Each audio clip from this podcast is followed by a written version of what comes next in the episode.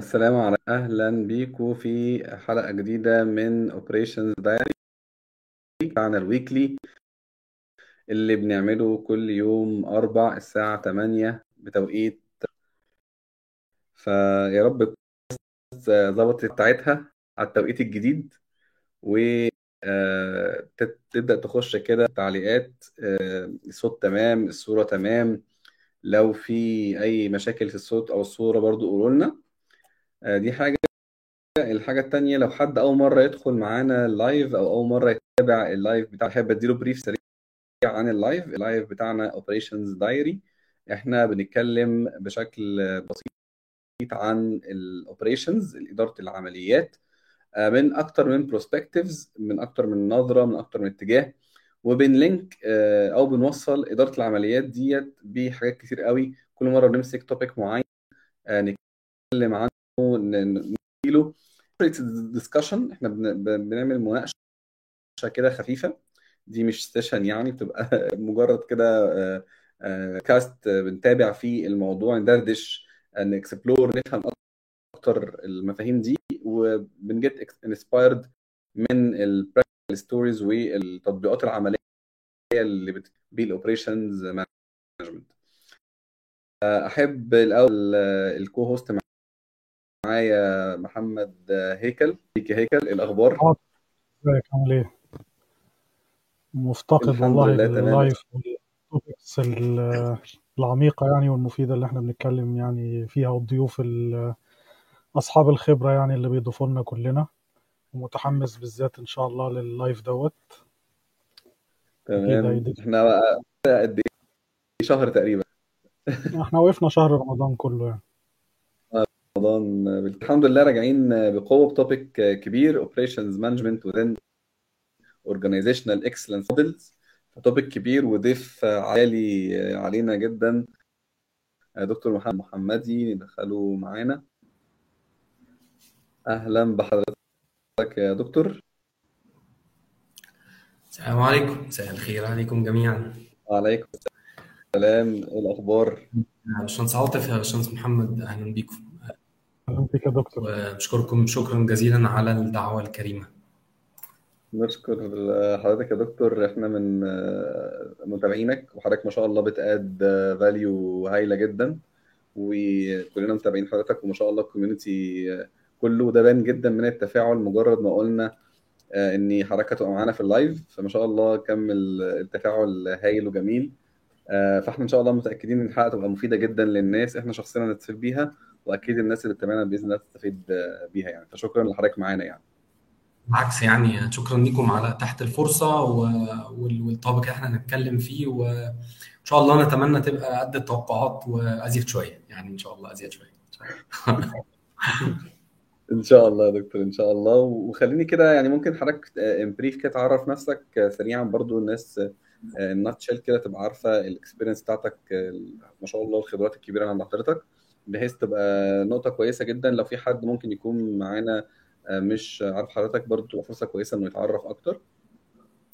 طيب هو دايما السؤال بتاع أنت بتشتغل إيه بالنسبة لي؟ ده بيمثل تحدي كبير الحقيقة. يعني تحدي من أول من أول مدارس عند الولاد. هو هو أنت بتشتغل إيه؟ يعني نكتب إيه بالظبط بقى؟ طب خليني هبدأ من من الآخر من النقطة اللي إحنا موجودين فيها. أنا حاليا director لل assessment وال quality assurance في جائزه مصر للتميز الحكومي وزارة التخطيط والتنمية الاقتصادية مصر.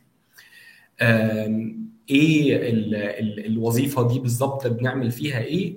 مسؤول عن كل ما هو تكنيكال فيما يخص جائزه مصر للتميز الحكومي.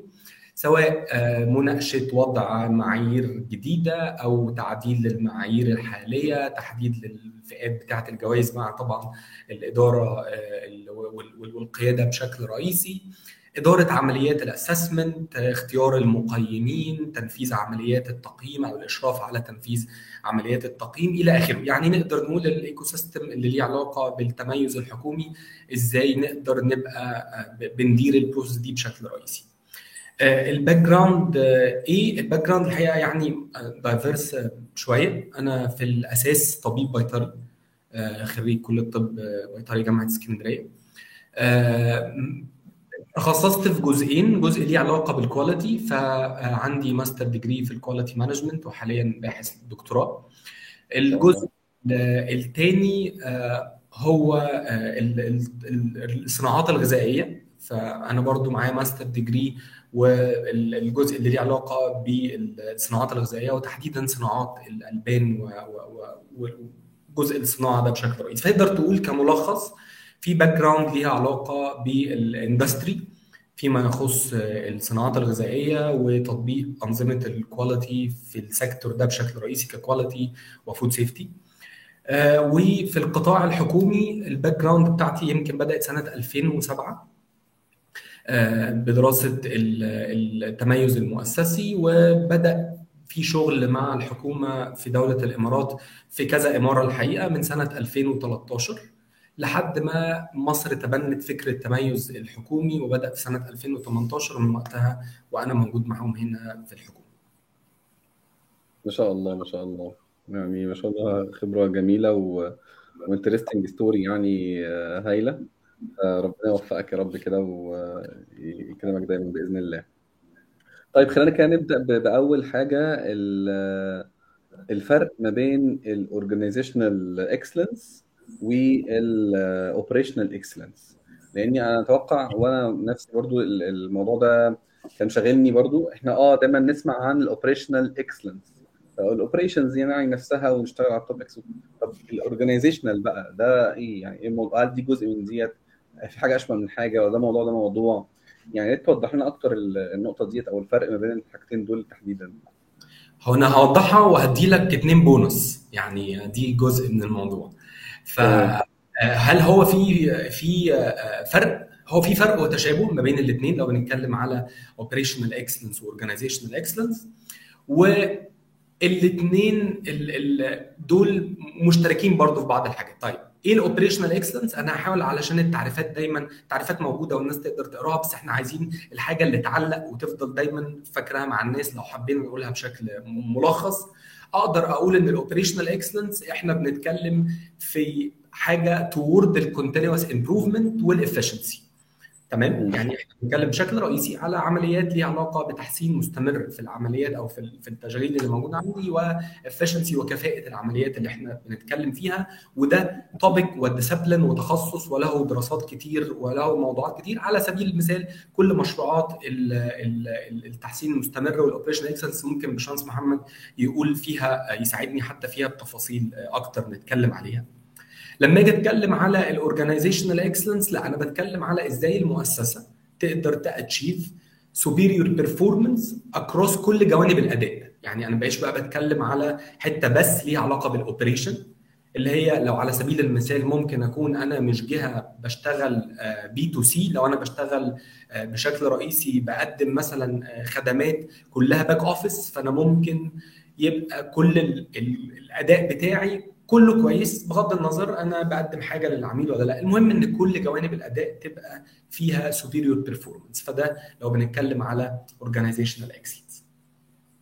أمال إيه الاثنين بونص اللي أنا آه، قلت لك عليهم؟ واحدة منهم هو في حاجة اسمها process excellence لو أنا هروح على الوحدة الأصغر شوية من ال operational excellence ف process excellence أيوه ولكن دي ال unit الأصغر. اللي ممكن نكون بنتكلم فيها على التميز في كل مكونات ال process لو أنا بتكلم على كل المكونات بقى التميز ليه علاقة بالحاجات اللي ليها علاقة بال input الحاجات اللي ليها علاقة بال metrics الحاجات اللي ليها علاقة بال monitoring الحاجات اللي ليها علاقة بال measurement على ال unit الصغيرة دي. وفي حاجة أكبر يعني إحنا دي أصغر unit وممكن نروح لحاجة أكبر من كل دول آه لو رحنا على term زي ال business excellence business excellence إحنا بقى بنروح beyond ال direct output اللي ممكن يكون طالع من المؤسسة. أنا بتكلم على كل اللي ممكن أدخل فيها كل ال stakeholders كل ال impact بتاع ال business كل ال parameters الأكبر من الحاجات اللي داخل نطاق السيطرة بتاعه المؤسسة. ده كده بشكل رئيسي يمكن الاربع الأربع حاجات الرئيسية لو بنتكلم على process excellence operational excellence و organizational excellence وأخيرا الجزء اللي ليه علاقة بال business excellence okay clear. يعني خلينا نقول إن أكبر حاجة خالص آه، اللي هي business excellence دي أكبر scope ممكن يكون موجود حد بيتكلم business wise تمام. بالظبط أحب بس أقول disclaimer هنا علشان برضو كل الناس اللي بتسمعنا لأن إحنا طول الوقت الحقيقة ويمكن الناس حتى على LinkedIn يكونوا شايفين ده طول الوقت إن إحنا في posts على شاكلة هو إيه الفرق بين كذا وكذا. أنا هقول لكم دلوقتي كبسولة فيها الملخص ما بين كذا وكذا. ده فخ. يعني أنا حابب أقول للناس ده فخ. وبالتالي خليكم بس aware فحتى لو إحنا بنتكلم دلوقتي بنحاول نقرب المفاهيم تمام؟ ولكن إحنا مش عارفين which context ممكن حاجة من دول اثنين يندمجوا ثلاثة يندمجوا واحدة تنفصل. تعريفها يختلف جوه ال culture المؤسسية دي. فده بس وجب التنويه على مهمة جدا ملحوظه فعلا يا دكتور لأن ممكن الناس تاخد ال info as as لو حد بي summarize info وهدفه إنك توصل لك المعلومة وأنت تكمل بقى يعني لكن ما تاخدهاش وتقف. يعني مش هي دي نهاية الموضوع يعني. فتمام. فزي ما حضرتك قلت كده برضه عايز a summarize عشان أتأكد الناس فاهمة وان أنا فاهم صح إن mainly ال umbrella الكبيره business ف business excellence ممكن umbrella أصغر منها تبقى ال organization ممكن ننزل بقى خطوة كمان تبقى الجزء بقى بتاع ال operation أو ممكن لو process معينة فهي levels at the end الهدف منها excellence تميز. و step من دي هدفها في الآخر by the end توصل للتميز المؤسسي اللي المؤسسة تكون متميزة. بس الفرق كل واحد بيبص على أنهي scope أو بيركز على أنهي نقطة وبيشتغل مع أنهي team عشان يوصل لإيه. ف at the end كله excellence بس ب levels مختلفة. وزي ما حضرتك قلت مش معنى إن إحنا بنوضح مفاهيم دي إن هي دي نهاية التعريفات أو هي دي ال ال ال لازم نحط الموضوع في سياقه في ال scope بتاعه. فدي نقطة أشكر حضرتك عليها جدا أعتقد إنها إن شاء الله واضحة للناس يعني وأحب أرجع هنا الهيكل أكتر كجزء operations excellence ودي برضو من خبرته في في الحياة العملية كان في focus أكتر ممكن تدينا برضو t explore أكتر هيكل على حتة ال operations بتبقى ماشية إزاي؟ أنا بس حابب بس في شوية كده تعليقات نعمل لها highlight سريعا. أستاذ معتز رضوان أهلا بيك. وإن شاء الله تستفيد ما يعني في ال live أهلا بيك يا دكتور.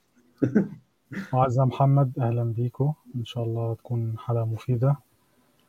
ومهند حجازي أهلا بيك يا مهند. ومحمد عبد العليم وأحمد العدوي. ما شاء الله يا دكتور برضو حضرتك ليك جمهور كبير منتظرك يعني.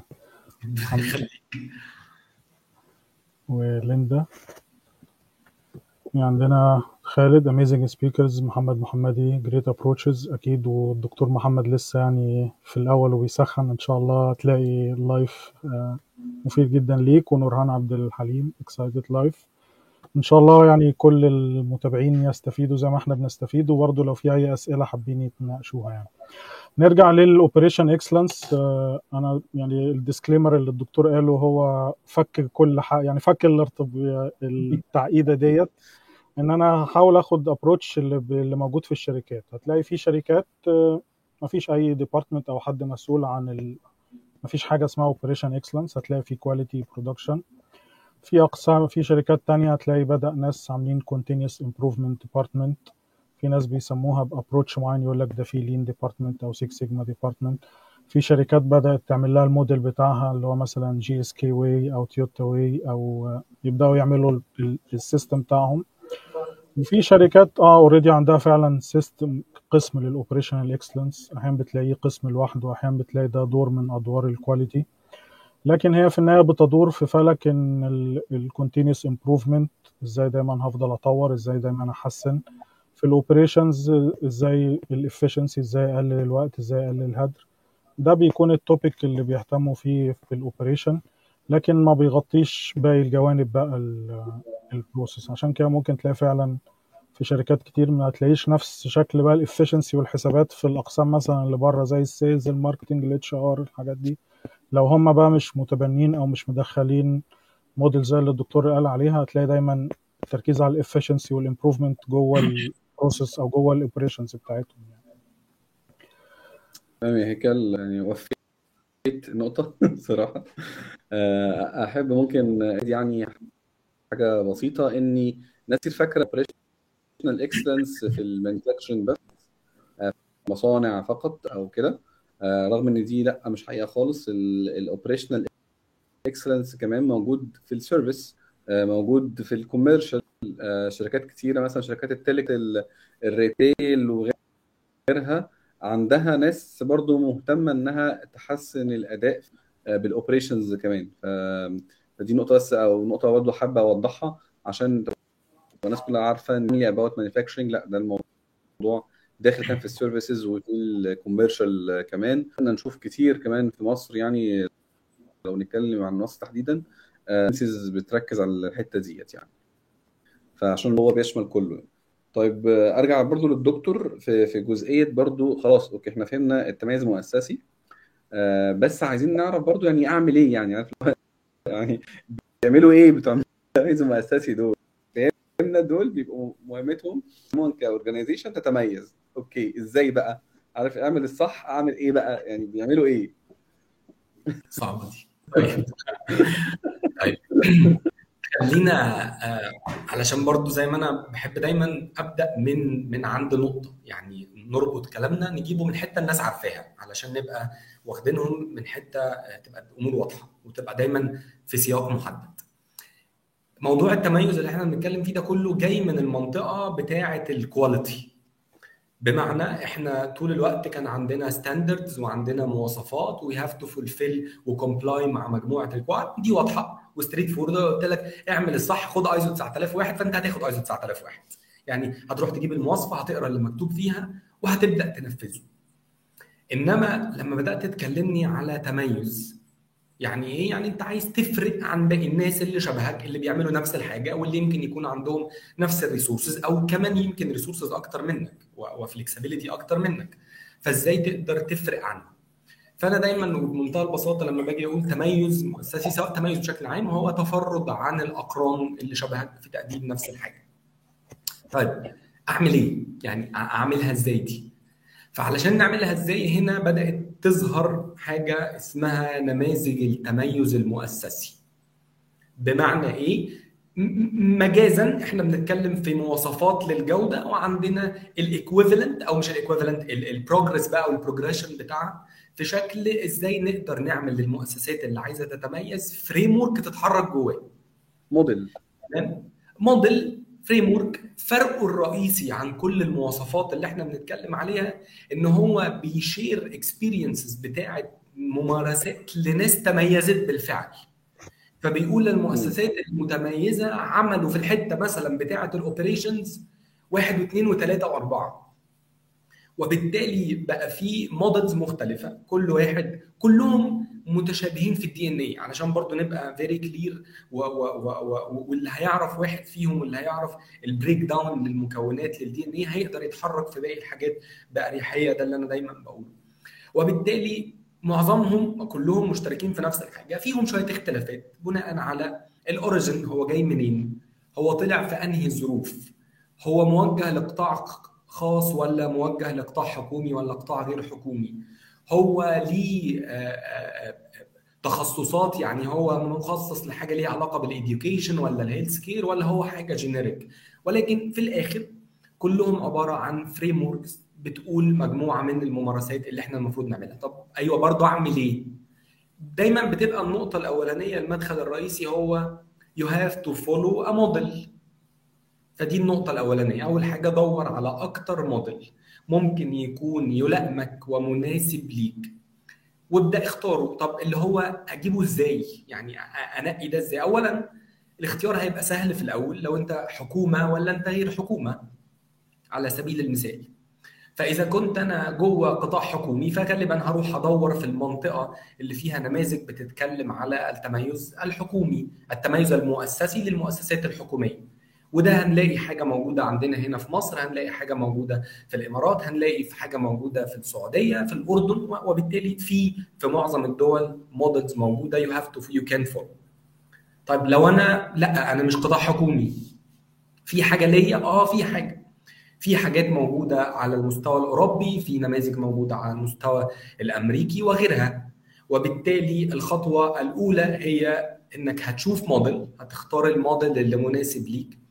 وقد تكون من ضمن اختياراتك للموديل هو ال ال السمعة أو ال- ال- السمعة بتاعت الموديل ده أو في ال community اللي أنت فيه الناس اللي شبهك بيتنافسوا فين؟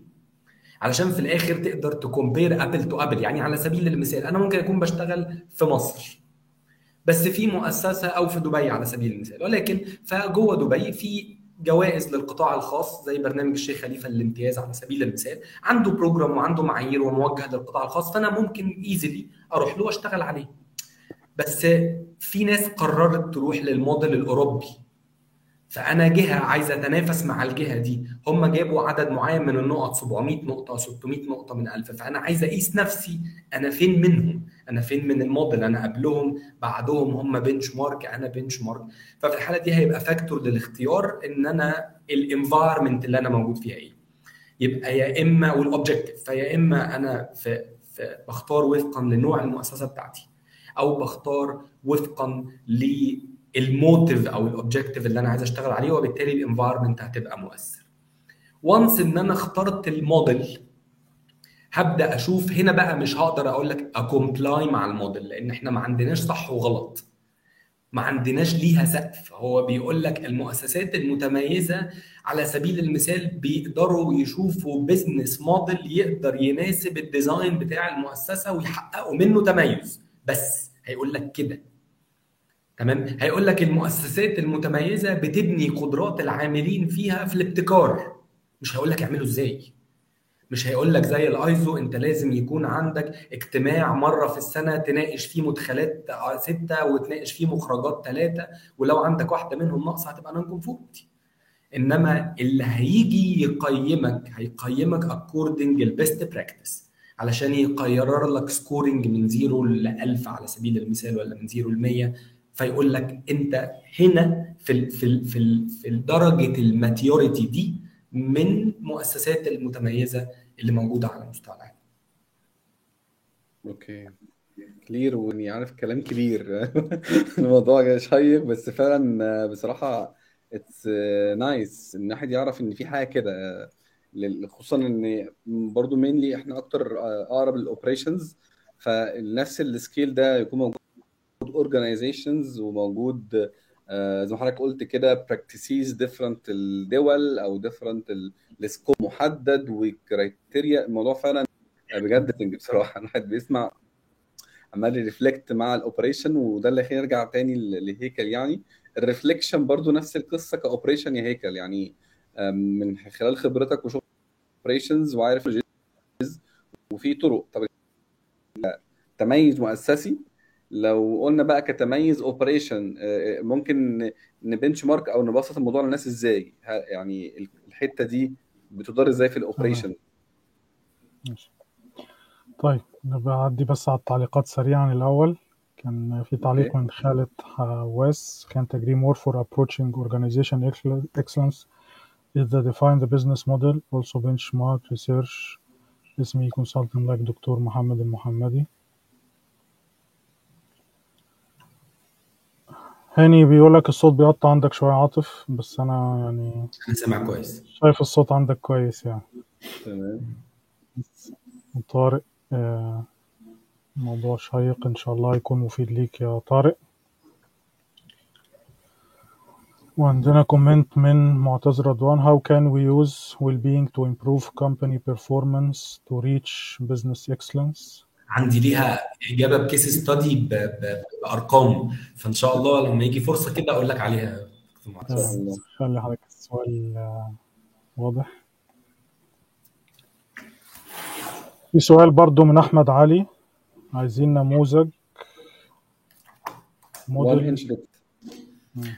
لو لو تسمحوا لي على ال comment الأخير لو نموذج بالشرح بتاعه آه في على اليوتيوب channel عندي في بس لو على اليوتيوب هتكتب محمد محمدي هيطلع لك قناة فيها playlist بتتكلم على التميز المؤسسي فيها شرح لكل الحاجات الموجوده بالنماذج المختلفة بمكوناتها بتطبيق عملي إزاي تقدر تستخدمها.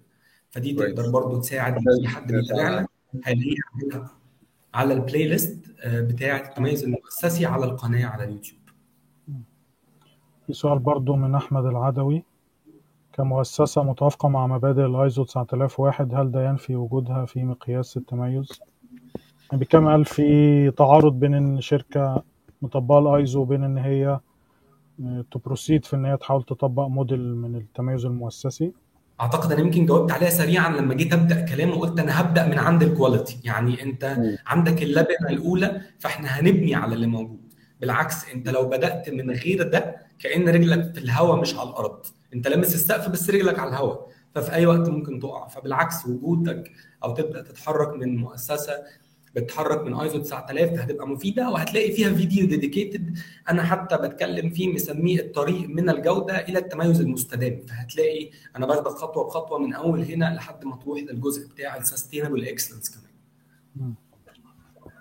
طيب أنا أعلق سريعا يا عاطف. آه، أنا من محبي فكرة ال framework يعني وفكرة. ال best practices. يعني أنا مثلا في ال project management في ال PMP هتلاقي already مثلا المنهج بتاعها قايم على إن ال organization عملت team أو مجموعة لجنة أو committee تحاول تشوف ال best practices في ال project management وتبدأ تخلق لك framework تتحرك فيه. ال Six Sigma نفس الكلام في ال supply chain نفس الكلام. ال framework بيديك مساحه تتحرك فيها بيبين لك outlines بيعمل لك constraints بيحطك على اول الطريق بس في نفس الوقت مش بيخنقك بشكل ضيق قوي ان انت لازم تمشي واحد اتنين تلاته اربعه خمسه هي بتبقى زي حاجة انت تعرف تقيس نفسك فيها فين آه والله أنا مثلا حققت الجزء ده المفروض احققش الجزء ده المفروض اتحرك بال approach الفلاني ما اتحركش في ال approach الفلاني فال framework بيقطع لك خطوات كتير قوي تبقى عارف تتحرك منها النقطة التانية اللي بفكر فيها إن أحيانا الشركات لو هنتكلم من منطلق بقى ال business ممكن تستخدم فكرة ال- الموديل النموذج التميز المؤسسي إن هي حاجة بت يعني برضو كأنه project كأنه حاجة كمشروع تطوير كمش حاجة تحفزك إنك تتحرك. يعني في بعض الشركات بتستخدمها بشكل prestigious أو إن هي طلعت في خدت الجايزة وطلعت وحد من الدولة كرمها. لكن في شركات تانية بتبقى خلاص مثلا هو واصل لمستوى maturity معين وعايز يدخل لل step اللي بعدها. فده ال models ديت بت فعلا هي اللي ممكن تاخدك وتساعدك في الطريق دوت يعني. okay تمام هيك وبرضه أنا حابب أعقب برضه على الكلام آه، ربطته بالايزو وبالتميز المؤسسي أو بال operational excellence إني دايما آه، أنت قلت اللي هي دي البداية والدكتور ألبرت كانها الأرض اللي أنت واقف عليها. فدايما الآيزو معروف هو آه، ممكن half أو ده فدايما الناس بتبقى أنت عايز تبدأ كده خلاص أنت خلصت ال phase zero أصلا. عشان تبدأ بعد كده تخش بقى سواء في operational excellence أو طبعا لو بنتكلم في organizational أو business excellence فلا نو واي خصوصا الايزو أصلا مينلي بيتبني آه، بالطريقة دي إن في إكس الورلد براكتسيز ويعملوها في ستاندرد وتجدد بشكل دوري عشان تبقى تحافظ على ال ال ال آه، ولكن هي نقطة اللي اللي بعد كده نكمل آه، نكمل من خلالها يعني. طيب تمام. نحب برضو يا دكتور تدينا أمثلة للنماذج دي. يعني إحنا فهمنا كده المفهوم. examples بقى يعني لو في نماذج أو أمثلة لحاجات آه، حضرتك شفتها ممكن توضح وتخلينا ن feel الموضوع as practical بيبقى ماشي إزاي. طيب. آه، مبدئيا إحنا عندنا زي ما أنا كنت بتكلم عندنا models بتركز على العمل الحكومي أو موجهة للمؤسسات الحكومية ودي اللي كانت بت lead فيها الحقيقة دولة ال- الإمارات العربية. آه، من سنة تحديدا 2015 فإحنا عندنا models موجهة للحكومة أو المؤسسات الحكومية نظرا لطبيعة عملها المختلفة عن مؤسسات القطاع الخاص. وعندنا models تانية موجهة لكل أنواع المؤسسات. وكان بتشتغل عليها جهات حكومية لحد قبل سنة 2015 من سنة 97 في experiences لبعض المؤسسات الحكومية اللي كانت بتاخد ال models بتاعه القطاع ال- الغير حكومي وتبدأ تحطه في العمل الحكومي وده يمكن اللي يأكد الكلام اللي كان بيقوله آه، بشمهندس هيكل في جزء فكرة إن هو بيحب ال framework ما هي دي من ضمن المزايا لأن في الآخر أهو يعني ده أكتر من إن هي أصلا طالعة من ال industry model زي النموذج الأوروبي بتتنافس عليه شركات زي نوكيا BMW ولكن تاخده آه، جهة حكومية علشان تبدأ تنفذه علشان تحسس تحسن مستويات ال performance الموجودة عندها آه، حابب برضه هقول معلش نقطة تانية قبل ما انقل على دي أأكد بال يعني هبصم كمان على الكلام اللي كان بيقوله آه، بشمهندس هيكل في الجزء اللي ليه علاقة بالحافز. بتبقى دايما مشاكل ال framework يعني دايما الايزو وغيره إن هو في الآخر انت عارف اوله واخره فانت هتشتغل هتخلص هتعدي audit تاخد شهادة خلصنا. انما ال framework كان دايما بيبقى أي تحدي فيه إيه؟ إن هو في الفراغ. يعني هو هو هو مفتوح بس اللي هو فين أبقى وصلت؟ يعني يعني يعني لما أعمل إيه أبقى أنا كده تمام أبقى خلصت. فهنا برضو فكرة إن كل ال models اللي أنا هقولها دلوقتي كلها مربوط بيها وهو ده يمكن من ال title بتاعي اللي أنا قلته في الأول في ال definition إن أنا assessment director كل الحاجات دي ليها طرق للتقييم وبالتالي ليها milestones بتقدر تحققها ف you'll achieve حاجة. أنت في الآخر برضه هتوصل لحاجة. ففكرة إن هي تستخدم ك motive سواء إن أنا هتكرم أو سواء إن أنا على الأقل هبقى announced إن أنا الأول أو إن أنا صاحب أعلى score في النقطة دي فدي من ضمن ال motives الموجودة. طيب رجوعا لسؤالك. أقدر أقول ان إحنا عندنا الحاجات الاشهر خلينا نتكلم على الاشهر. لو هتكلم على نموذج زي نموذج التميز الاوروبي نموذج التميز الاوروبي ليه كذا اصدار اخرهم خلينا ناخد اخر point إحنا واقفين عندها هو اصدار سنة 2020 من نموذج التميز الاوروبي. وهو موديل فيه ثلاثة pillars رئيسيين وتحته مجموعة من ال criteria هتكلم على الجزء اللي يخص ال operation منها بعد دقايق. عندنا الموديل تاني موديل أمريكي وده يمكن أقدم شوية وفي تخصصات في جزء منه رايح لل education في جزء منه رايح لل health care وغيره. وبالتالي عندنا موديل تاني برضو في مجموعة معايير والمعايير دي بنقدر نشتغل عليها علشان نقدر نشوف إزاي نقدر نتميز وزن كل معيار من المعايير. طب لو رحنا للقطاع الحكومي هاخد منه two examples ال example موجود عندنا في مصر هنا نموذج التميز الحكومي المصري. وعندنا وده مشتق بشكل رئيسي من الإصدار الأول لنموذج التميز الحكومي اللي هو ال GEM بيسموه GEM Government Excellence Model 1.0 الإصدار الأول اللي كان موجود في دولة الإمارات. واللي صدر له تحديث GEM 2.0 في 2020 وهو ده الموديل الثاني الحكومي اللي أنا هتكلم عليه فإحنا عندنا نموذج مصري وعندنا نموذج إماراتي في طبعا نموذج النموذج الوطني السعودي وعندنا نموذج زي ما كنت بتكلم على الأردن والمناسبة هي واحدة من الدول ال leading في الموضوع ده برضو بشكل كبير في ال models الموجودة فيها.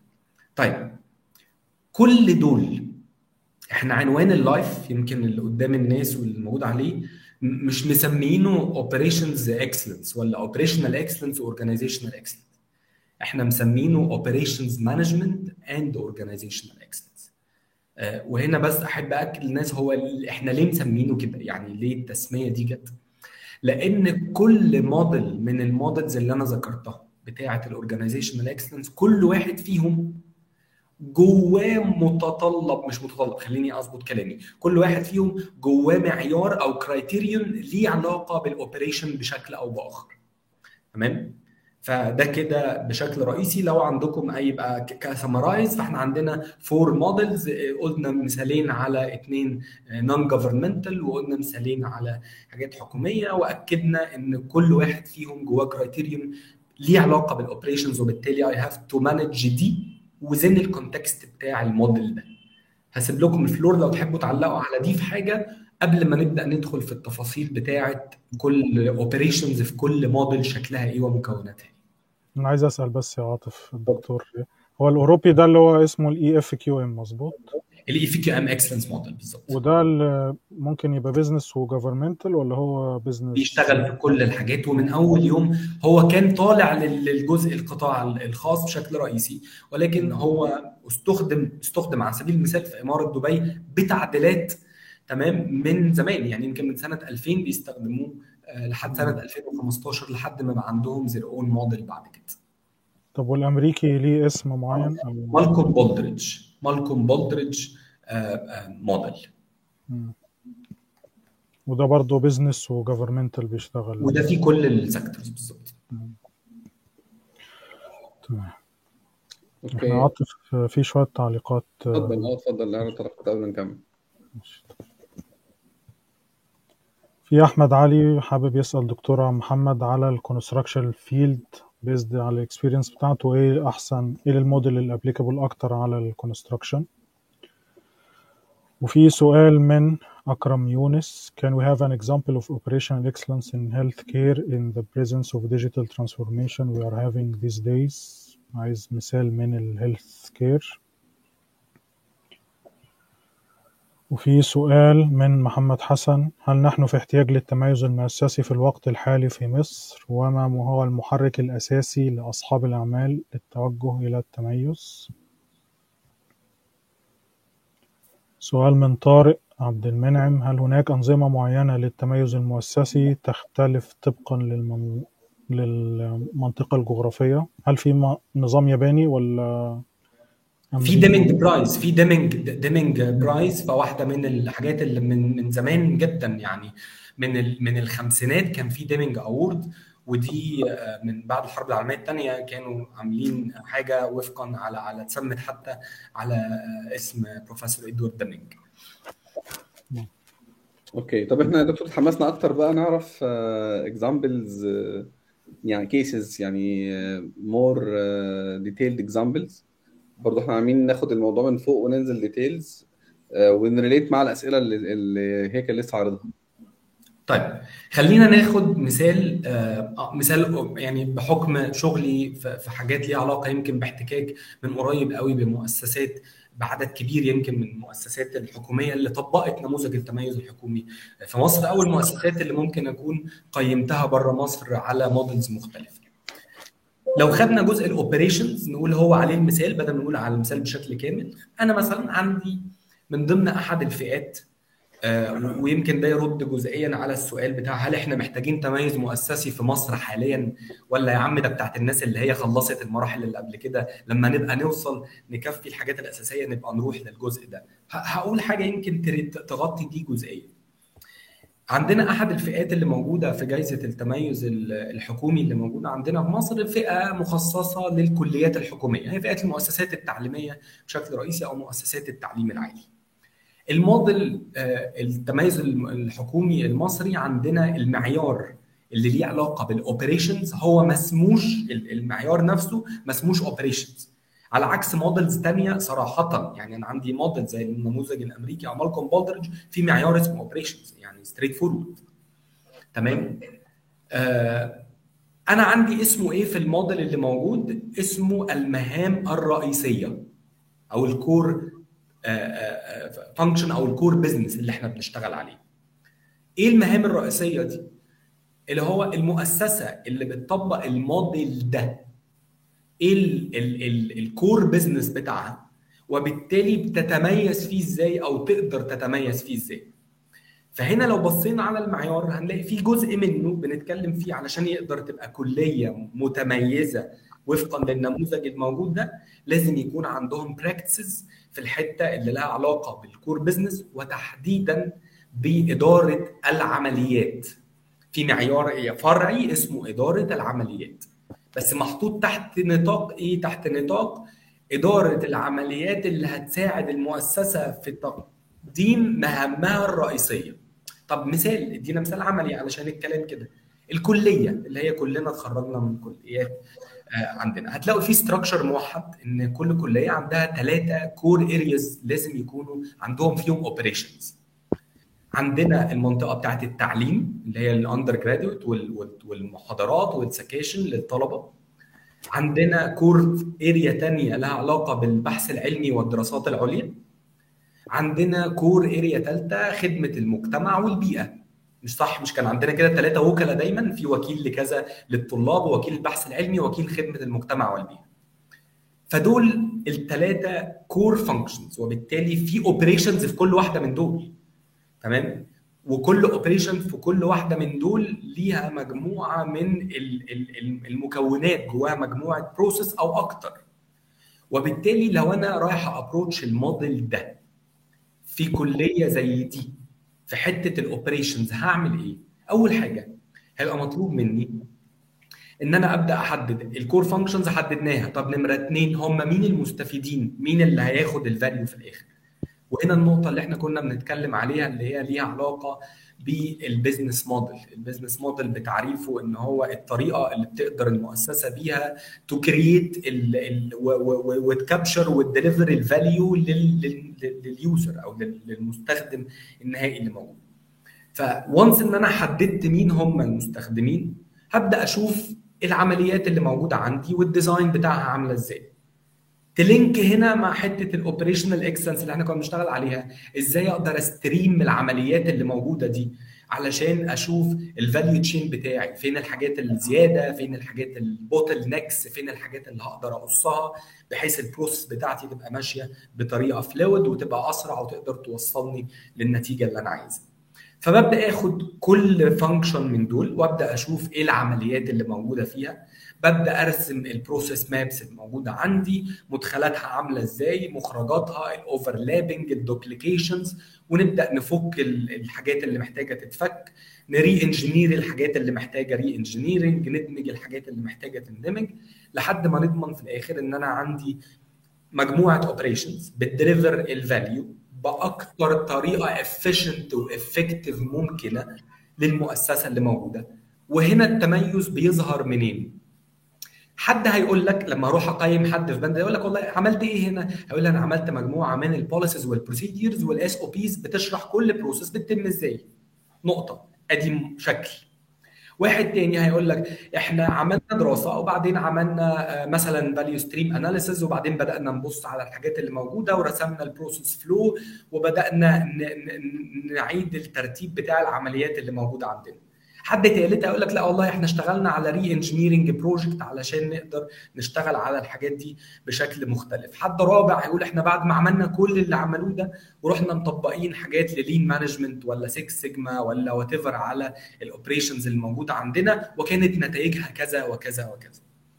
أحب أكد على حاجة كل ال models تقريبا اللي إحنا بنشتغل عليها دي result oriented بمعنى إنه إحنا بنقيمها وال score اللي بياخدوه ال weight الأكبر منه. عندنا مثلا في النموذج المصري 60% من ال score على ال result. وبالتالي مهما أنت قلت لي أنا عملت وعملت وعملت وعملت هسألك دايما السؤال so so what ليه بقول ده دلوقتي وحبيت أقول ده هنا؟ لأن أنا مش من دعاة ابدا. إن أنا يلا بينا نعمل حاجة جديدة وفي الآخر بقت عبء على كتافي وزودنا procedure زودنا silo زيادة على ال silos اللي كانت موجودة اللي إحنا عملنا ال project ده عشان ندمج ال silos في بعض. انتهى بينا الأمر في الآخر إن إحنا عملنا إيه؟ زودنا silo زيادة. فده كده كان example على حتة ال operations في المهام الرئيسية في موديل زي الموديل المصري. طيب لو رحنا لنفس دي البروجرس بتاعها عامل إزاي في بلد اشتغلت شوية على الموضوع ده من بدري والإصدار الثاني من ده؟ لو بصينا على المعيار بتاع المهام الرئيسية. في النموذج الإماراتي على سبيل المثال هتلاقي ظهرت فيه ترم كده مش موجود في الموديل اللي إحنا بنشتغل عليه. ده تميز ده تميز برضه ده حكومي وده حكومي. ولكن هناك بدأ يتكلم على إيه؟ على نموذج الأعمال أو على ال business model طب ليه حط هنا business model لأن أنت دلوقتي في هذا العصر الرهيب من ال uncertainty ومن التغييرات اللي بتتغير يوم بيوم وساعة بساعة والحاجات اللي موجودة دي. انت إزاي هتبقى بدأنا نسمع مصطلحات زي ان انت تبقى عندك resilience أو ان انت تبقى عندك اللي بنسميها ان سرعة الارتداد ومرونة و agility وكل الكلام اللطيف ده. هتعمل ده إزاي؟ لو انت غرقان في نظام مأيدك وما بتعرفش تتحرك فيه وعندك مجموعات من اللي هي والله حضرتك لازم تملى نموذج رقم كذا علشان تاخد الخدمة الفلانية ومش هعرف أغير النموذج ده لأنه مربوط بقانون. تمام؟ أيوه طب أنا عايز أغير البيزنس موديل بتاعي. لا والله حضرتك يعني نشوف بقى تشريع علشان نقدر نغير. فبدأ يظهر فكرة إن الكلام اللي بيتكلم اللي بنقوله دايما في ال startups وفي شركات ريادة الأعمال وغيره نماذج الأعمال وال sustainable business models وال business models اللي تقدر تبقى solid قدام كل التغييرات اللي موجودة. solid enough ومرنة enough في نفس الوقت إن هي تبقى بتشتغل. خدوا ده وبقى موجود جوه الموديل الحكومي. فبقى عندي حاجة اسمها نموذج الأعمال.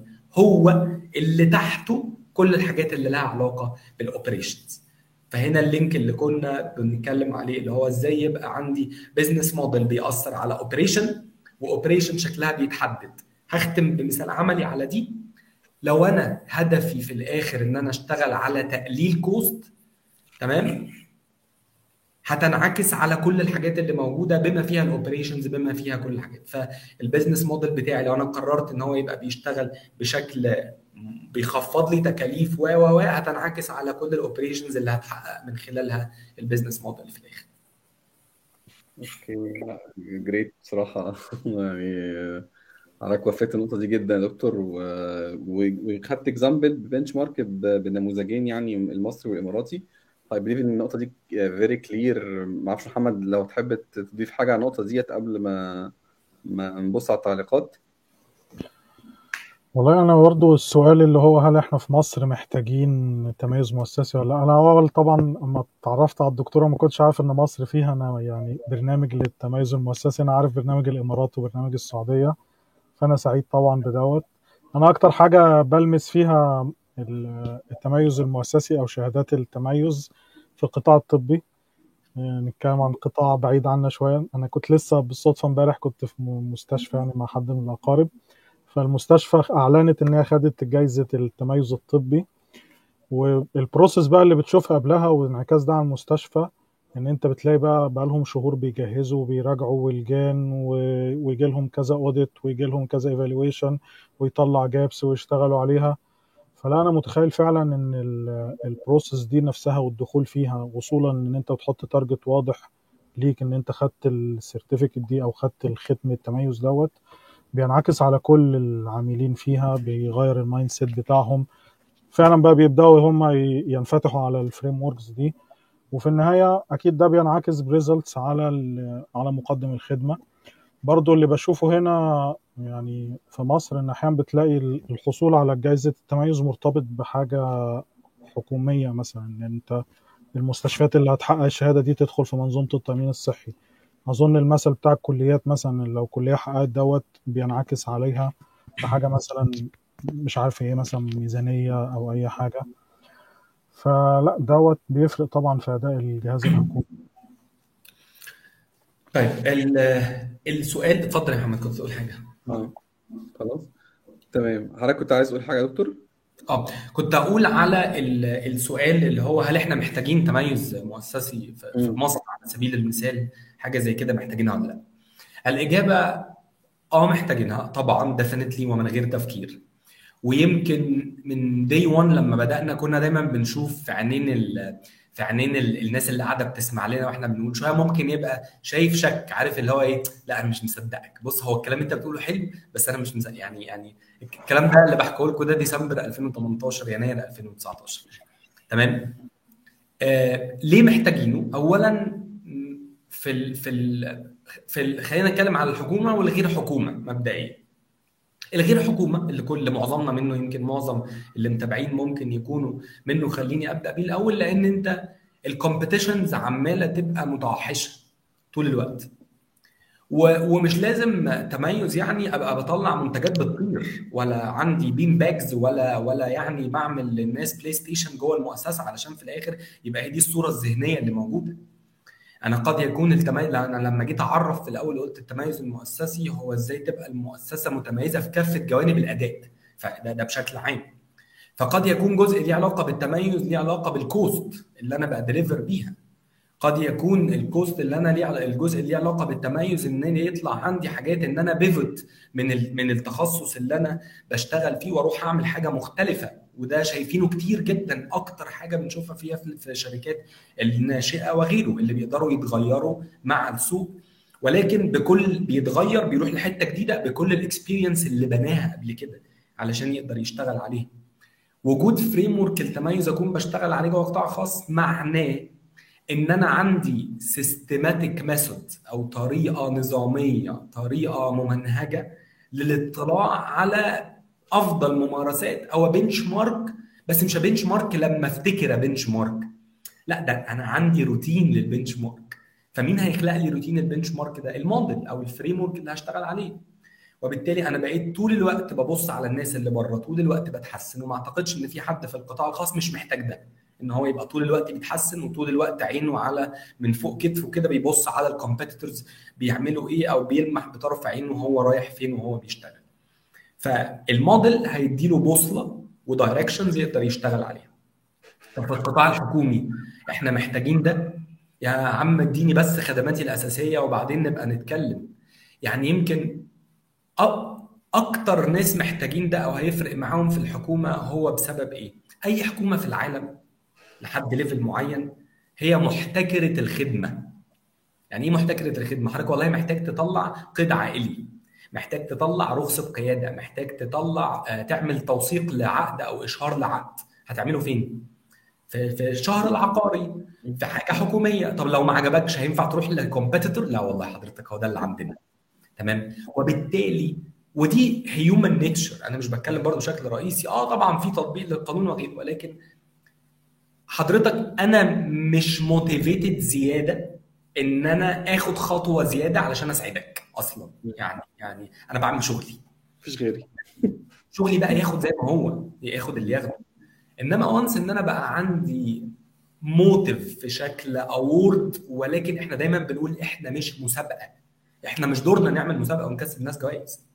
إحنا هن motivate الناس بجوائز اللي هي التميز المؤسسي هنشتغل عليها ولكن وده الأهم ودي رسالتنا الحقيقة اللي إحنا بنشتغل عليها طول الوقت.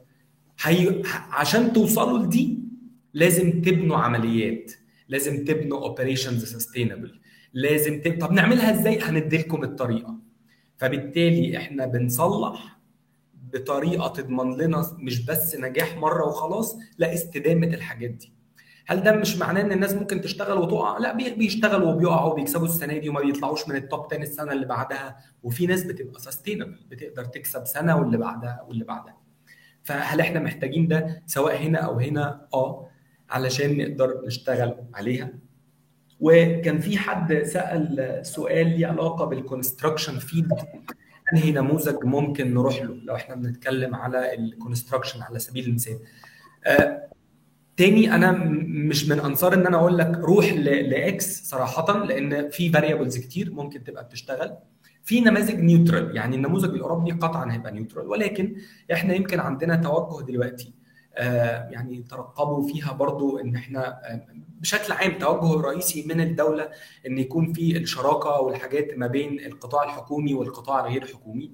ف why not إن إحنا ممكن نسمع قريب عن جوائز وفقا لموديل محطوط وطني نموذج وطني بنقدر نشتغل عليه زي ما موجود في بعض الدول الثانية.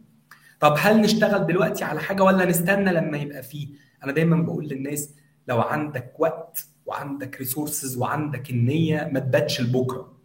طب ما يمكن تتغير بكرة، لما تتغير بكرة هتبقى على الأقل اخذت خطوات تخليك تقدر بكرة تعمل ثلاث خطوات بدل ما تعمل خمس خطوات لأن في اثنين أنت already خدتهم لما كنت مرتاح وكانت ظروفك تسمح. صحيح.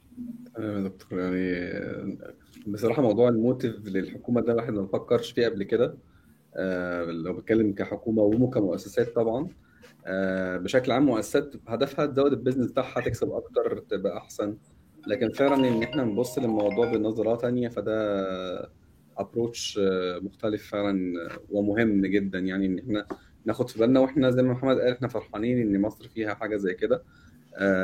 بالعكس ودي حاجة تساعد كل الناس إنها إحنا عايزين نبقى أحسن و motive جديد و challenge لل organizations و how ده reflect وعندنا النماذج إهي وشايفين الدول العربية كتير حضرتك قلت الأردن already من ضمن الدول والإمارات وطبعا شايفين إحنا السعودية. فلو العالم العربي كله بدأ ياخد خطوات بالاتجاهات دي هتبقى حاجة هايلة فعلا وهت إزاي ده ت reflect على المؤسسات وعلى الأفراد definitely إن شاء الله يعني. ممكن أقول لك حاجة وقول لي أنت ممكن يعني هتصدق اللي أنا هقوله ده ولا يعني بالنسبة لك هتبقى it sounds عادي ولا ممكن تكون مختلفة؟ إيه احتماليات إن ممكن يكلمك موظف من وحدة محل موظفة تحديدا عشان البنات شاطرين جدا في الحتة دي؟ موظفة في وحدة محلية في أحد المحافظات اللي موجودة في الدلتا. بتسألني السؤال كالآتي. دكتور هو أنا إزاي أقدر أحسب ال baseline أو خط الأساس بتاع مؤشر الأداء الفلاني وأنا بشتغل عليه وأحدد المستهدف ليه؟ أنت يعني حاجة أكثر من رائعة. انت أنت بتتكلم في حاجات إن في ناس جوه مؤسسات قطاع خاص دي وظيفتهم وكاتبين اسم المؤشر غلط أصلا مش مش قاعد بيتناقش فهحسب ال baseline بتاع المؤشر إزاي وهظبط البسط والمقام وهشتغل عليها إزاي. ده حصل إمتى؟ ده حصل 2022 من حد بدأ يشتغل على النموذج ده في سنة 2019 في يناير 2019 الك- التغيير الثقافة وإن الناس تتحرك ناحية ده ووقتها الناس أنا فاكر كويس جدا ويعني أتمنى الرسالة دي برضو توصل سواء لحكومة أو غير حكومة. في حد بعد ما اخذ تدريب وروح ورجع كلمني بعدها بيوم أو حاجة يا دكتور إحنا رجعنا نعمل اللي أنت بتقوله ده. وقابلنا صعوبة رهيبة من الإدارة والناس يعني مش متقبلة الفكرة ولا يقول لك بس خلينا نخلص اللي إحنا فيه وإحنا قربنا نطلع معاش والحاجات دي كلها. غير إن ال resistance طبيعي بس ساعات الإحباط بيبقى بزيادة يعني. فقول لنا نعمل إيه؟ قلت لهم اشتغلوا. اشتغلوا بس. يعني حتى لو أنتوا هتبقوا بتعملوا الشغل وتحطوه في الدرج محدش هيشوفه غيركم. علشان بعد سنتين ثلاثة أربعة السوق هيبقى محتاج ال functions دي ووقتها هتكونوا أنتوا اللي عملتوا الحاجة الموجودة. إحنا ما فيش أي حد عنده ضمانة إن اللي هو بيعمله النهاردة سواء على مستوى فردي أو على مستوى المؤسسي إن هو ضامن بكرة هيت- هيشوف نتيجته إيه. إحنا لازم نبقى كلنا متفقين إن whatever action we are taking دلوقتي هو فقط على سبيل التجهيز لمستقبل لا يعلمه إلا الله سبحانه وتعالى. تمام؟ آه، تمام. وفي من الحاجات الواحد من الكوتس الواحد مقتنع بيها جدا آه، when opportunity knocks it's too late to get ready أو to to be prepared. يعني لما بتيجي الفرصة في بتيجي فرصة معينة الجاهز هو اللي بي- بيفوز على طول. ف هو اللي مش جاهز مش هيشوفها مش هيشوفها آه يعني مش هيشوف فرصة أصلا يعني. plus حاجة اسمها كده takes time. يعني أنا برضو من, من ال operations برضو experience وأكيد هت click معايا في نفس ال- السياق يعني إن takes time ودايما أصعب آه، حاجة أصعب مثلا improvement project واول اول project دايما آه، أكتر resistance هي في الأول. مع الوقت الدنيا الناس بتبقى familiar بالده وشافوه مرة وشافوا مثلا ال celebration الحاجة كويسة وشافوا ال impact وشافوا ال value فبعد كده الحاجات دي بتيجي ف totally agree مع حضرتك طبعا. طبعا بال scale بقى الأكبر ك organizational وك وك countries وحكومات وكده لا طبعا الموضوع definitely definitely هي هيأثر و definitely هي هي pay back وهي reflect في وقت ما حتى لو إحنا مش عارفين يعني زي حضرتك قلت كده ركز في الشغل اعمل اللي عليك اجتهد حاول تحسن take steps وبعد كده definitely إن شاء الله آه، كل ده مش هيروح آه، هدر يعني. وعلشان ما تعطلش في إنك تتحرك يعني أنا بقول إيه بص لقدام للي أنت عايز للموديل اللي أنت رايح له بس when you compare compare نفسك بشكلك كان إمبارح عامل إزاي. يس شكلك إمبارح للنهاردة هيديك ال motive إنك تاخد خطوة زيادة. okay فعلا. آه، أحب إن إحنا نرجع للتعليقات يا هيكل لو سمحت. تمام. آه، خصوصا لو في تعليق ممكن نكون نسيناه أو حاجة يعني ما كده ردناش على معتز آه معتز. أنا ما ينفعش هيزعل مننا معتز. لا ممكن تعليقات وأنا كاتب هروح هبدأ ب- بال comment well being آه كاتب على ال well being فممكن نرجع لتعليق معتز الأول لو سمحت يا هيكل طيب. وبعد كده نكمل. مم. آم، دلوقتي ال- في أحد المؤسسات اللي كنت ب- ب- بقيمها لقيتهم معينين وقابلناها وقتها معينين expert في ال well being. معينينها جوه المؤسسة. بتعملي ليه حضرتك هنا؟ علشان well be يعني يعني ليه هنا؟ وبعدين شغالة على الكلام ده سنة كام؟ الكلام ده سنة 2016 يعني سبع سنين تقريبا من النهارده. backward يعني.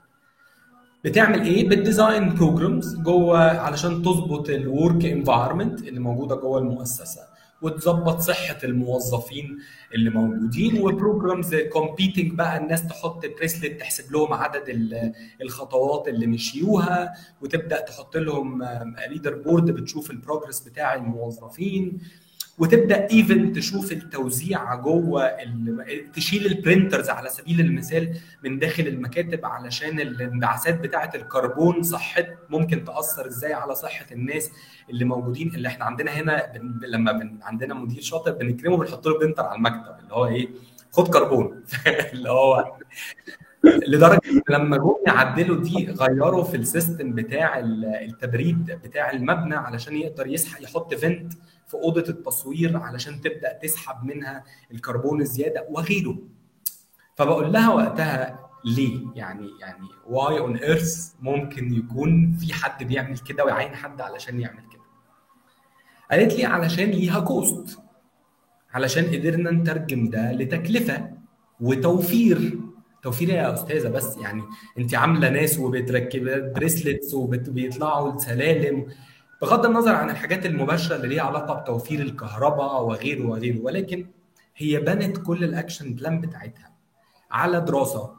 الدراسة دي كانت بتقول العلاقة ما بين صحة الموظفين وال well being بتاعت الموظفين وال insurance cost اللي انت بتدفعه لشركات الرعاية الصحية. تمام؟ طب عرفت تشوف ال trigger بتاعها منين؟ الدراسة كانت بتربط التكلفة بتاعة التأمين مع عدد أيام السيك ليف أو الأجازات اللي بياخدوها الموظفين. اجازات أعلى. لو دورنا وراهم ممكن هو الموظف لما بياخد بياخد أجازة مرضية. هو ممكن يكون واخد أجازة مرضية ولكن هو راح يعمل فيها أي حاجة تانية. هو أصلا مش عايز يجي الشغل. هو متضايق من الشغل. وبالتالي كل الأجازات وكل الحاجات اللي موجودة دي على الناحية الثانية لما تيجي شركة التأمين تحط لك تكلفة للتأمين بتاعك اللي هتيجي تحاسبك عليه based on risk اللي هو based on التوقع اللي فات وال forecast اللي جاي بتحط لك cost طب لو أنا ظبطت ال work environment وبالتالي ظبطت مستويات صحة الناس قللت مستويات تعرضهم لإصابات وغيره صحتهم بقت أحسن الحاجات دي كلها هل هتأثر على تكلفة التأمين؟ آه هتأثر.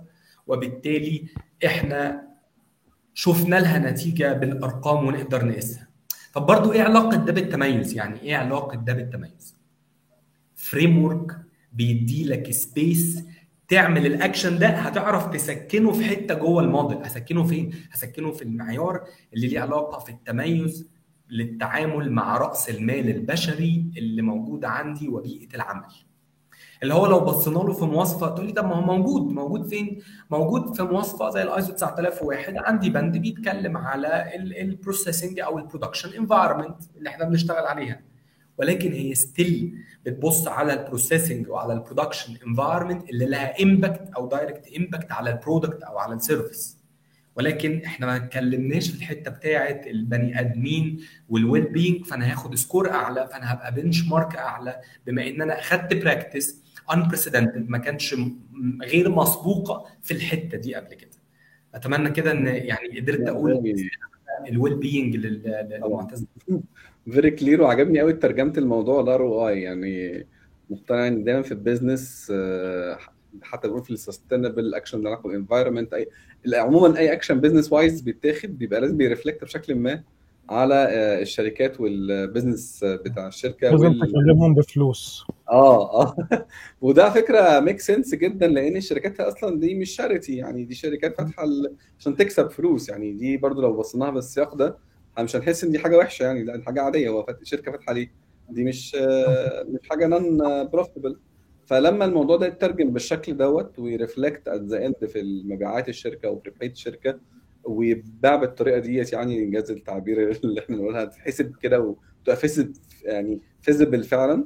why not الشركات هت invest وهتبقى فعلا شايفة إن ده هيبقى حاجة وبرضه مش عايزين نبقى باينين إحنا جشعين قوي. هو الناس اتحسنت. يعني واحد من الناس اللي قابلونا وقتها موظف بيدخن بقاله 40 سنة. امم يعني 40 سنة فشلت معاه كل المحاولات إن هو يبطل دخان ولكن وقتها بطل لأن كان بقى في motive كل المكتب بيشتغل عليه. كل المؤسسات بتشتغل عليه. يعني هتبقى win-win situation at the end يعني في الآخر هت reflect للشركة بحاجة كويسة ليها وهتبقى برضو reflection للموظف إن هو هيستفاد أكيد ما دام اتعمل له ال benefit ديت يعني. okay thank you إيه تاني يا هيكل؟ ممكن أسئلة؟ ما طيب. هو في كذا تعليق جداد في كذا تعليق من أمينة صالح. العمليات هي اختصاص الوحدات التنظيمية داخل المؤسسة والوحدات التنظيمية تحدد مسبقا وفقا للمهام المؤسسة دكتورة أمينة من الناس اللي اشتغلوا في مؤسسات تعليمية حكومية وكان ليها contribution كبير معانا من أول يوم في الجزء ده. فأهلا بحضرتك يا دكتورة أمينة. ما شاء الله. أهلا بك يا دكتورة وسعداء يعني بمشاركتك وتعليقاتك. التشريعات الجديدة سمح لكل المؤسسات أن يكون لها نموذج الأعمال الخاص بيها. وآخر تعليق من دكتورة أمينة إن مصر اوريدي حققت نتائج إيجابية بقالها كذا سنة في موضوع التميز المؤسسي. آه، عندنا كذا سؤال سريعا. أول سؤال آه، حد عايز يتعلم التميز المؤسسي ويبدأ يتخصص فيه فيبدأ يذاكر منين أو إيه بداية الطريق؟ وفي تعليق على ال- من عزة محمد إن ال excellence awards موجودة من 2018 في مصر. شهر 7 2018 وفي تعليق من محمد حجازي إن هو آه مهند أنا آسف مهند هو بيشوفنا من السويد وبيتكلم من مشوار الألف ميل بيبدأ خطوة. أهلا بيك يا مهند.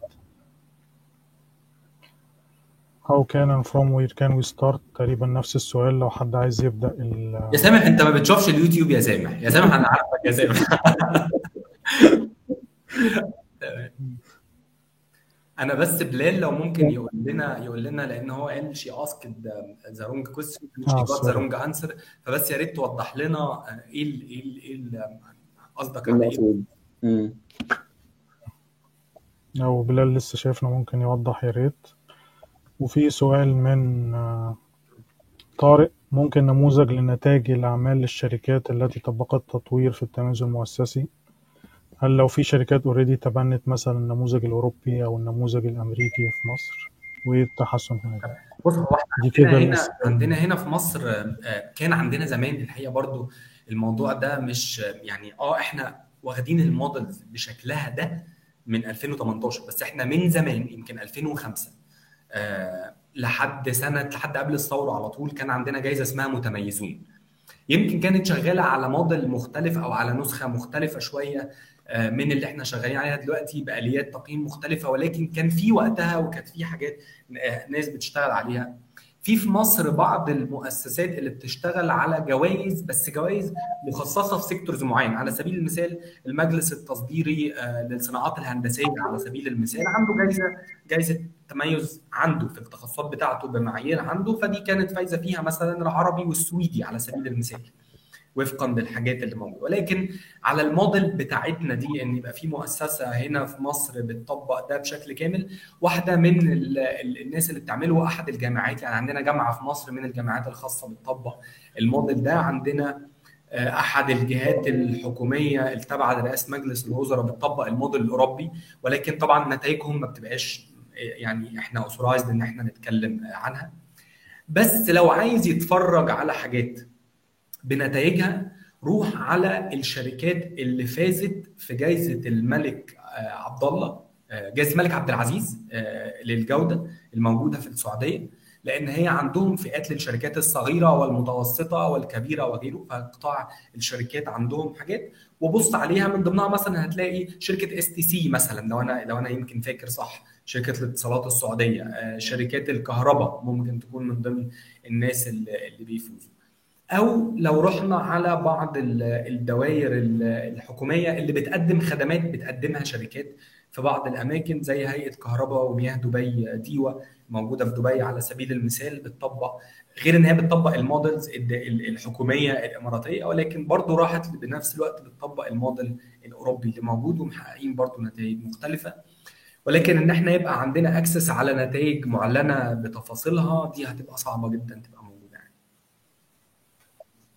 ولكن سمعه سمعة المؤسسات يعني سمعتها واضحة. ده كان على حضرتك إن هي أكيد reflected positively على ال results حتى لو مش ال result بس هي definitely ما دام المؤسسة طبقت وحصلت على الجائزه فحضرتك قلت كده قلت إن الموضوع كله بي reflect على ال results زي معيار اللي مثلا 60% results ف definitely ما دام الشركات ديت أو المؤسسات دي whatever خدت award أو وصلت للل level ده فأكيد في reflection حصل على ال result صحيح. في comment أخ سريعا هو آه كان بلال رد علينا بخصوص المثال اللي حضرتك ذكرته بخصوص ال well-being واضح إن هو عندكم يعني تعليق ما عن ال عن القصة بتاعت موظفة الويل بينج سامح بيقول إن هو بدأ يذاكر يشوف طيب اليوتيوب هي البداية البداية سامح علشان برضو آه، دكتور سامح. آه. البداية غير إن أنت البداية تفهم المكونات الرئيسية وده اللي يمكن المتاح اللي كنت قلت لكم عليه ممكن نقدر نبص عليه على ال channel بالتفصيل. ولكن لو أنت قررت تبني career في الجزء ده فأنت عندك opportunities مختلفة زي career ال quality هل انت هتبني career في الجزء اللي ليه علاقة بال assessment فانت تبقى تمشي في سكة ان انت تبقى approved certified assessor ففي الحالة دي هتقرر هتشتغل وفقا لأنهي موديل عندنا موديل مثلا زي النموذج الأوروبي هتاخد مجموعة من الكورسز وأعتقد إن هم كانوا حاطين على ال website بتاعهم حاجة اسمها fast track أربع خمس أيام ورا بعض بتاخد فيهم ال foundation وال- والكورسات التأسيسية وكورس ال certified assessor في الآخر في أربع خمس أيام بس. آه، بتسجل فيها الكورس. ففي الحالة دي انت وصلت لأعلى نقطة إن انت بقيت راجل listed في database لكل الناس ال approved assessors ومعاك ما يثبت إن انت qualified في جزء ال assessment أو تبدأ تشتغل بإيدك ودي النقطة اللي أنا أهم لأن دايما بيبقى فكرة إن انت هتيجي تأسس الحاجة اللي موجودة. بس انت مش عارف هي بتشتغل إزاي. هتبقى شبه كده إيه؟ عارف دايما دايما بقول ساعات إيه ال consultant أو الاستشاري بيبقى أفندي ببدلة. طبعا مع كامل الاحترام وأنا استشاري يعني اولا وأخيرا ف. بس دايما مش عايزين ننسى إن انت بتيجي تقول ده صح وده غلط واعملوا كذا وسووا كذا وبتروح. مش انت اللي ورا المكنة. مش انت اللي مشدود كل يوم في challenges day to day في المصنع. مش انت اللي في حد واقف على دماغك بأرقام وب target وبغيره. تمام؟ وبالتالي لازم تبقى ودي اللي أنا شايفها الأنسب. جرب تطبق ده بإيدك على شركتك. دي نقطة البداية المظبوطة من وجهة نظري.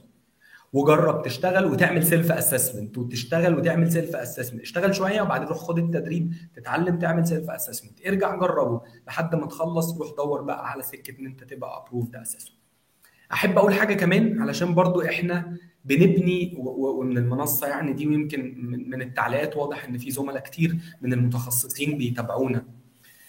أحب أقول إن إحنا مهتمين في مصر أو تحديدا في جهاز التميز الحكومي إن إحنا نبني ecosystem فعال. إحنا مش عايزين نبقى monopoly مش عايزين نبقى إحنا أي حد عايز حاجة يروح للحكومة يقول لها تعالي قولي لي دي بتتعمل إزاي ولا ابقى أنا ك ك كوزارة أو أنا كجايزة أنا اللي بعمل التدريب وأنا اللي بعمل الط... أنا مش عايزين كده.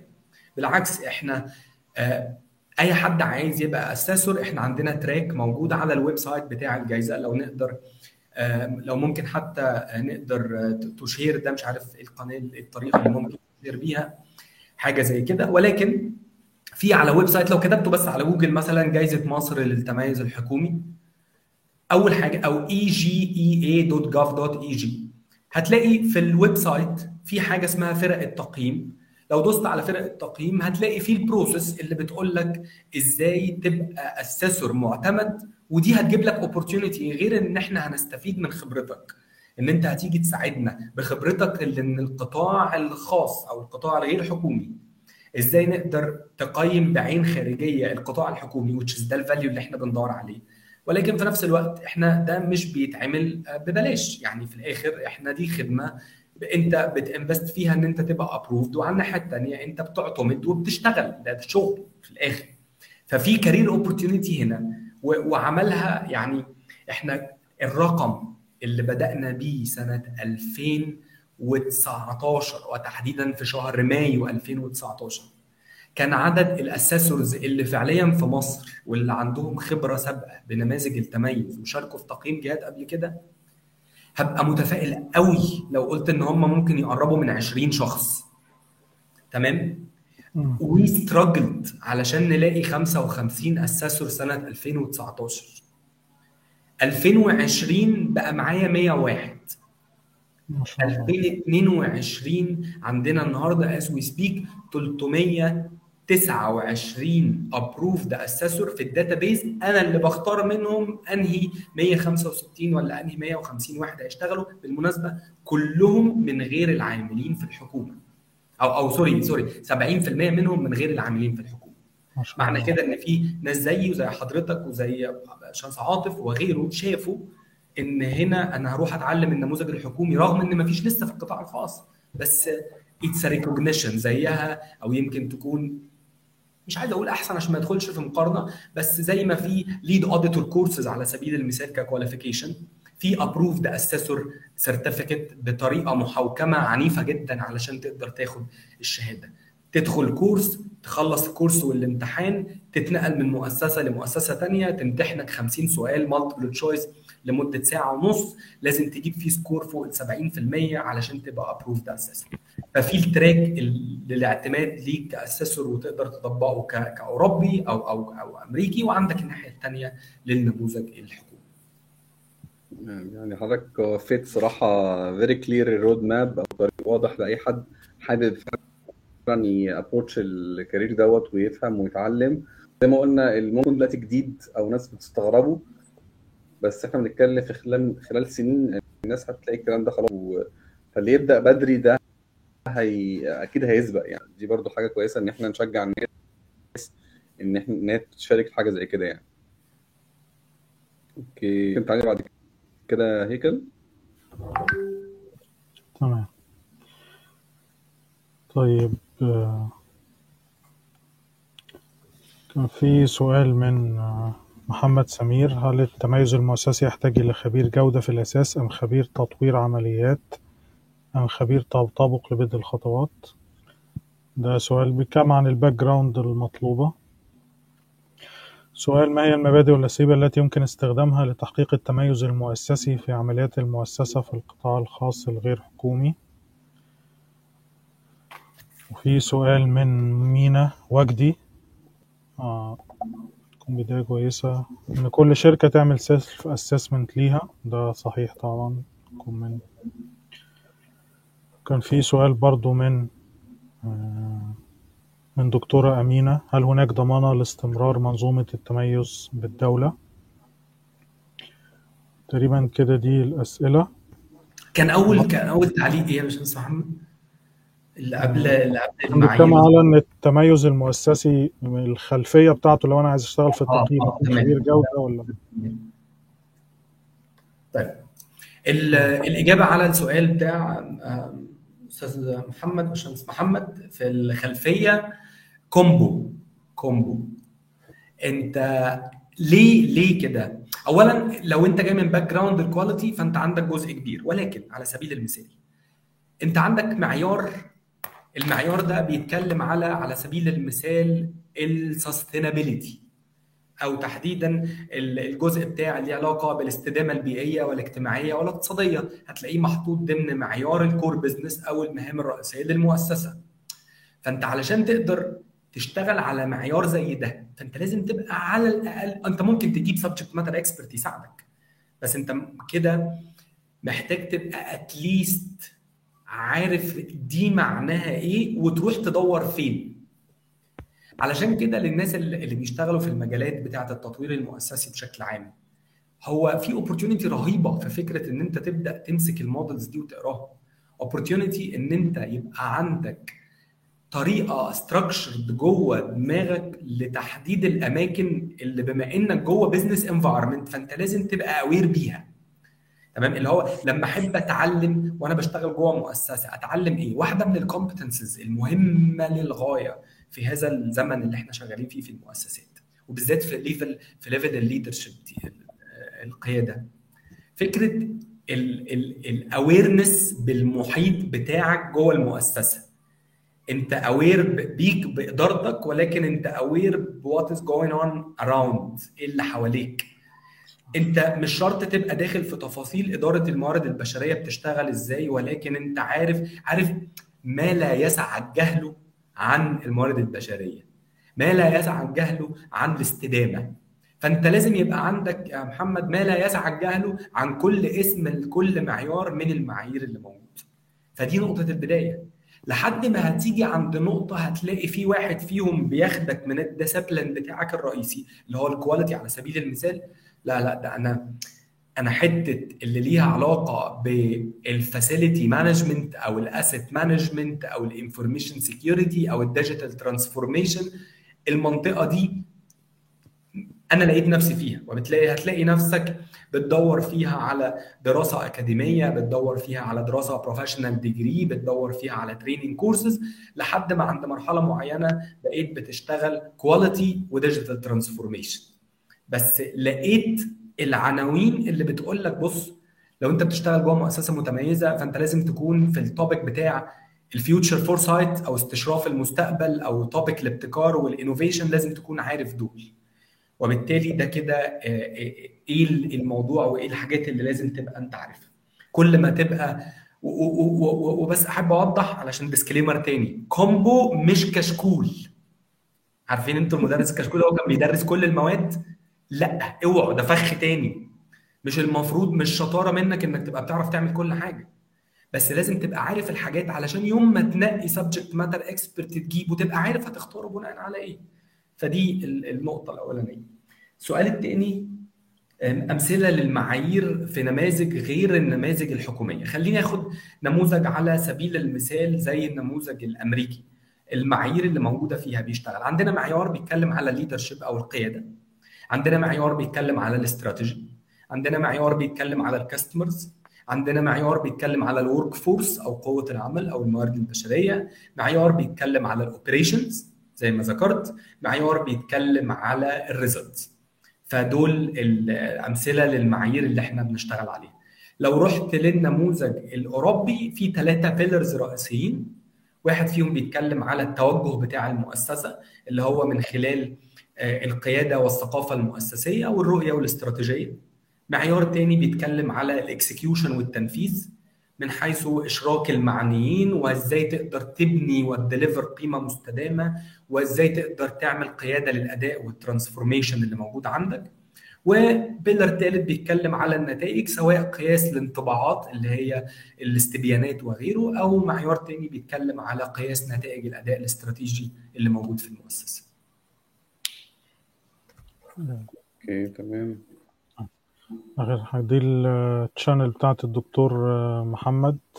إن شاء الله هتلاقوا عليها إجابة على كل الأسئلة وشرح مفصل وما شاء الله محتوى مميز في ال في ال topic اللي بنتكلم عليه يعني. تمام. في في comment تانية يا هيكل؟ لا تمام كده. طب أنا أحب يا دكتور نقفل بقى الحلقة باللي بدأناها بيه واللي هو الجزء الخاص بقى بال link أو العلاقة ما بين ال business model وال أو sorry آه business models وال operation management وال operation excellence ال closing دوت لمه الموضوع بقى. طيب. دلوقتي لو إحنا هن هن هنلم ال process اللي إحنا بنشتغل عليها أي مؤسسة؟ حتى لما بتيجي على ال ال ال الشركات الموجوده والشركات اللي بتبدأ صغيره بيقولوا لهم هو أنتوا إيه ال business model اللي أنتوا بتشتغل عليه؟ انت شغال إزاي؟ انت بتكسب منين؟ انت إيه اللي انت بتقدمه وايه ال value اللي انت بتقدمه وايه المكسب اللي انت بتاخده وال revenue streams والحاجات اللي غيرها اللي انت بتشتغل عليها. فاللي أنا أحب أقوله هنا نقطة البداية إن أنا أكون فاهم إيه ال business model بتاعي. أو لو أنا assessor أكون عارف وأنا داخل أقيم هو أنا داخل أقيم إيه؟ لأن مش هينفع أبقى بتعامل مع جهة حكومية وبقول لها بتعامل معاها بنفس الفكرة بتاعت الشركة. فالنقطة النقطة الأولانية الرئيسية اللي هنشتغل عليها نحدد هو إيه طبيعة ال business model اللي إحنا بنشتغل عليه جوه المؤسسة. اللي بناء عليه المؤسسة دي بتديزاين الأوبريشنز اللي هتديليفر الفاليو ده إزاي. فنمرة واحد إيه ال business model؟ نمرة اتنين هوصل لل value هوصل ال value ده إزاي اللي أنا هقدر أشتغل عليه من خلال أنهي level من ال operations. لازم أكون عارف إن إن في علاقة ما بين ال operations وما بين العمليات اللي إحنا بنشتغل عليها. إن في آه sorry ما بين ال operations وما بين ال ال كل process موجودة من ال process الموجودة عندنا. ولازم نكون قادرين نشوف مثلا لو إحنا بنتكلم على خدمات أو مؤسسة بتقدم خدمة أو مؤسسة مش بتقدم خدمة. في بعض ال operations اللي بتشتغل ما فيش ليها متعامل رئيسي وبالتالي أنا ما عنديش حد هياخد رأيه في النتيجة اللي طلعت من عندك أو في أنا في الآخر بشتغل على سبيل المثال أنا بعمل back office operation اللي بناء عليها هتطلع لك رخصة. في الآخر الشباك اللي بيطلع لك الرخصة هو اللي مرتبط ب feedback من العميل ولكن ده مش معناه إن هو طلع من الفراغ. الخدمة دي اتقدمت من خلال مجموعة عمليات شغالة ورا. وبالتالي الناس اللي هتشتغل في حتة ال operations محتاجة تبقى عارفة هو شكل ال operations دي مختلف إزاي لو أنا في service industry عن لو أنا في production industry دايما الحتة اللي ليها علاقة بال operations سهلة قوي في الإنتاج سهل قوي في التصنيع. لما بنروح للحتة بتاعة الخدمات ما بتبقاش الدنيا فيها بالسهولة دي. والنقطة الأخيرة وجود excellence model أو organizational excellence model تقدروا تشتغلوا عليه. مش عايزين ننسى إن هو framework وبالتالي هو flexible enough يت في directions يعني هيقدر يدي لك حاجات تقدر تشتغل عليها لا يسعك تفويتها في رحلتك ناحية التميز. وآخر جملة خالص معلش أنا والله عارف إن ال live ده طول زيادة عن اللزوم ولكن خلينا نفتكر أي تميز هنشتغل عليه هو رحلة. هو المهم في في, في الرحلة اللي إحنا بنشتغل عليها دي مش خط نهاية معين هنوصله وخلاص إحنا خلصنا. إحنا طول الوقت مستمرين إحنا ما عندناش خط نهائي إحنا ما عندناش finish line إحنا طول كل لما بنوصل ل bar ال bar بيترفع. كل لما بنوصل لبار بيترفع للل level اللي بعده.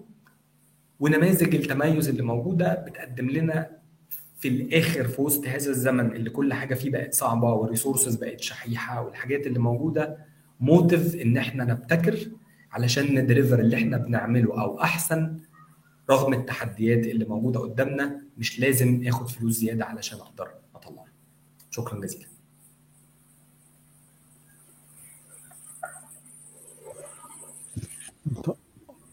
آه sorry صوتك ما كانش طالع آه معلش.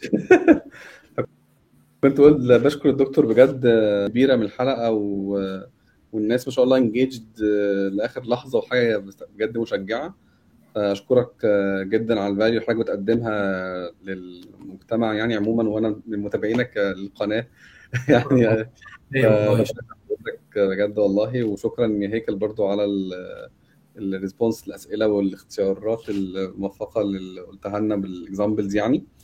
ونشكر الناس إنها فضلت engaged معانا وما حسناش فعلا بالوقت. ما شاء الله الوقت مر بسرعة جدا.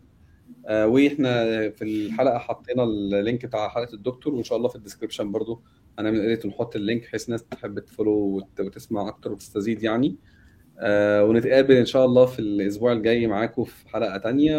برضو زي ما اتفقنا قبل كده لو عندكم comments أفكار لحلقة حاجة topics نناقشها عندكم recommendations ال guests نقابلهم فبرضه يكتبوا لنا في التعليقات أو ابعتوا لنا في ال messages عشان إن شاء الله ن schedule الحاجات دي فعلا هي للناس بإذن الله يعني. شكرا ليك واشوفكم إن شاء الله الأسبوع الجاي بإذن الله. السلام عليكم. شكرا. شكرا يا دكتور. على خير. مع السلامة.